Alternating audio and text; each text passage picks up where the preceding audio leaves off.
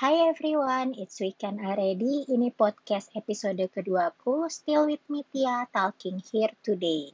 Sebelumnya aku mau minta maaf terlebih dahulu soal noise atau kualitas suara yang tidak terlalu baik karena tools yang aku gunakan benar-benar seadanya nih.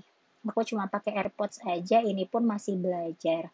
Kalau soal suaraku yang nggak semerdu voice over ya udahlah ya, terima aja kalian ini udah tahu dari sananya begini.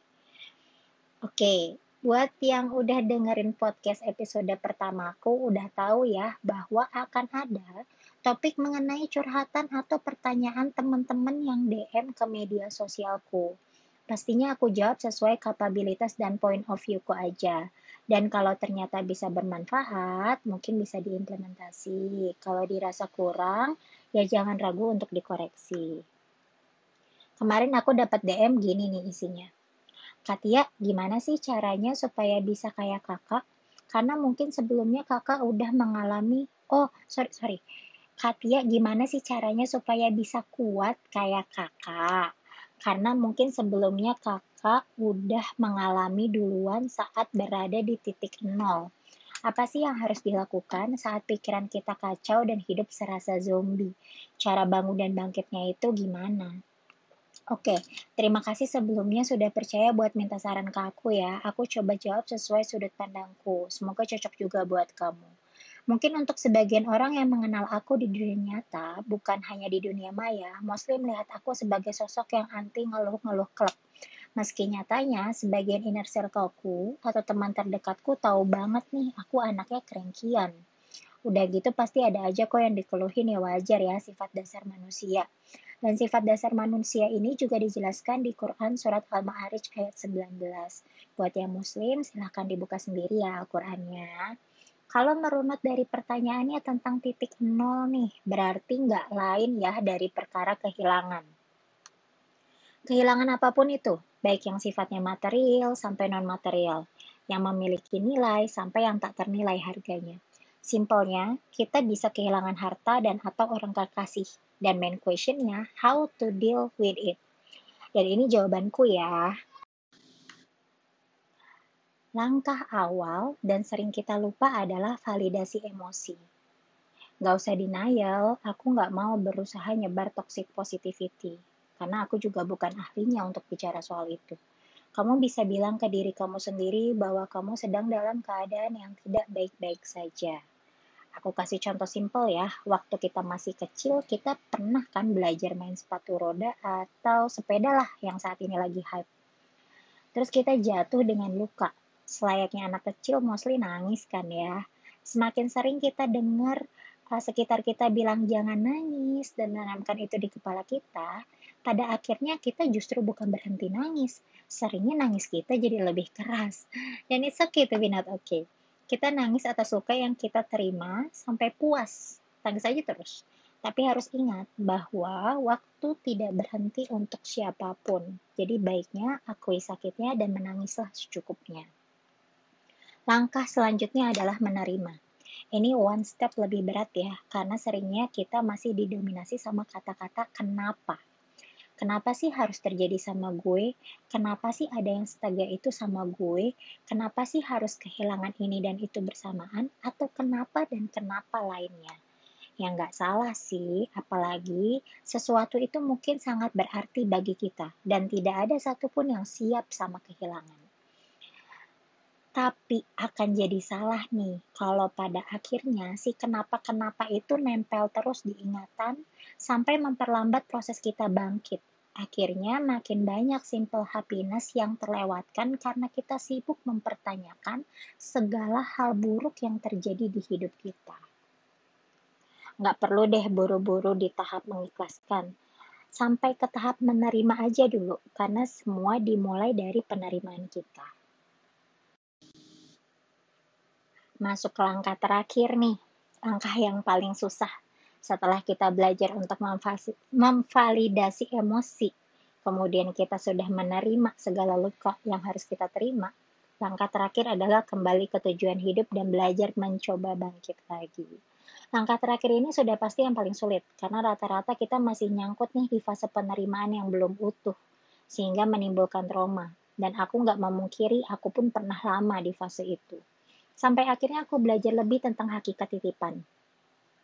Ini sih lebih ke spiritual things ya, bahwa apa yang terjadi dalam hidup kita selalu ada pesan Tuhan di dalamnya. Sayangnya hanya sekedar kita read, tidak benar-benar kita ambil pelajarannya. Aku pernah baca suatu risetnya Daniel J. Simon. Dia itu seorang psikolog. Dan risetnya itu tentang sustained inattentional blindness. Ringkasnya, dari riset itu ditemukan bahwa ternyata manusia hanya memperhatikan hal-hal yang jadi fokusnya dan buta atas lainnya. Karena manusia itu makhluk yang kompleks, jadi cuma fokus pada apa yang ingin mereka fokuskan. Kebayang dong kalau kita terlalu fokus pada musibah dan ujian yang saat ini kita alami, pada akhirnya kita nggak bisa melihat apa hikmah dan pelajarannya. Balik lagi soal titipan. Seringnya kita merasakan kehilangan yang luar biasa karena kita merasa yang kita dapat, yang kita terima dalam hidup kita ini adalah sesuatu yang benar-benar kita miliki. Akhirnya kalimat-kalimat itu membuat kita lupa bahwa semua yang kita terima adalah titipan. Kita ada di dunia ini tidak membawa apa pun loh. Begitupun saat kita kembali berpulang, kita nggak bisa bawa apa-apa. Prinsip hidup yang mainstream banget nih mungkin sering teman-teman jumpai di media sosial untuk hidup sebagai tukang parkir. Nggak asing ya, pasti sering banget lihat pembelajaran ini. Meski banyak mobil, tapi nggak sombong. Apalagi sedih saat mobil-mobil itu pergi satu persatu dan ke nggak kembali karena dia tahu cuma dititipkan. Yang nggak apple to apple sama case hidup. Memang, tapi bisa jadi insight yang bagus juga buat kita coba terapkan di kehidupan yang kita jalani. Aku mau kembali ke case belajar naik sepeda tadi. Dan contoh pembelajaran ini aku temui juga di kelasnya Dr. Jimmy Adrian. Saat kita jatuh dan sudah memvalidasi emosi serta menerima segala rasa sakit, apakah kita kapok buat belajar naik sepeda lagi? Iya, bagi sebagiannya. Tapi sebagian lainnya gak ragu buat nyoba lagi dan gak takut sama risiko akan terjatuh lagi. Pilihan yang berbeda dengan hasil yang berbeda juga pastinya.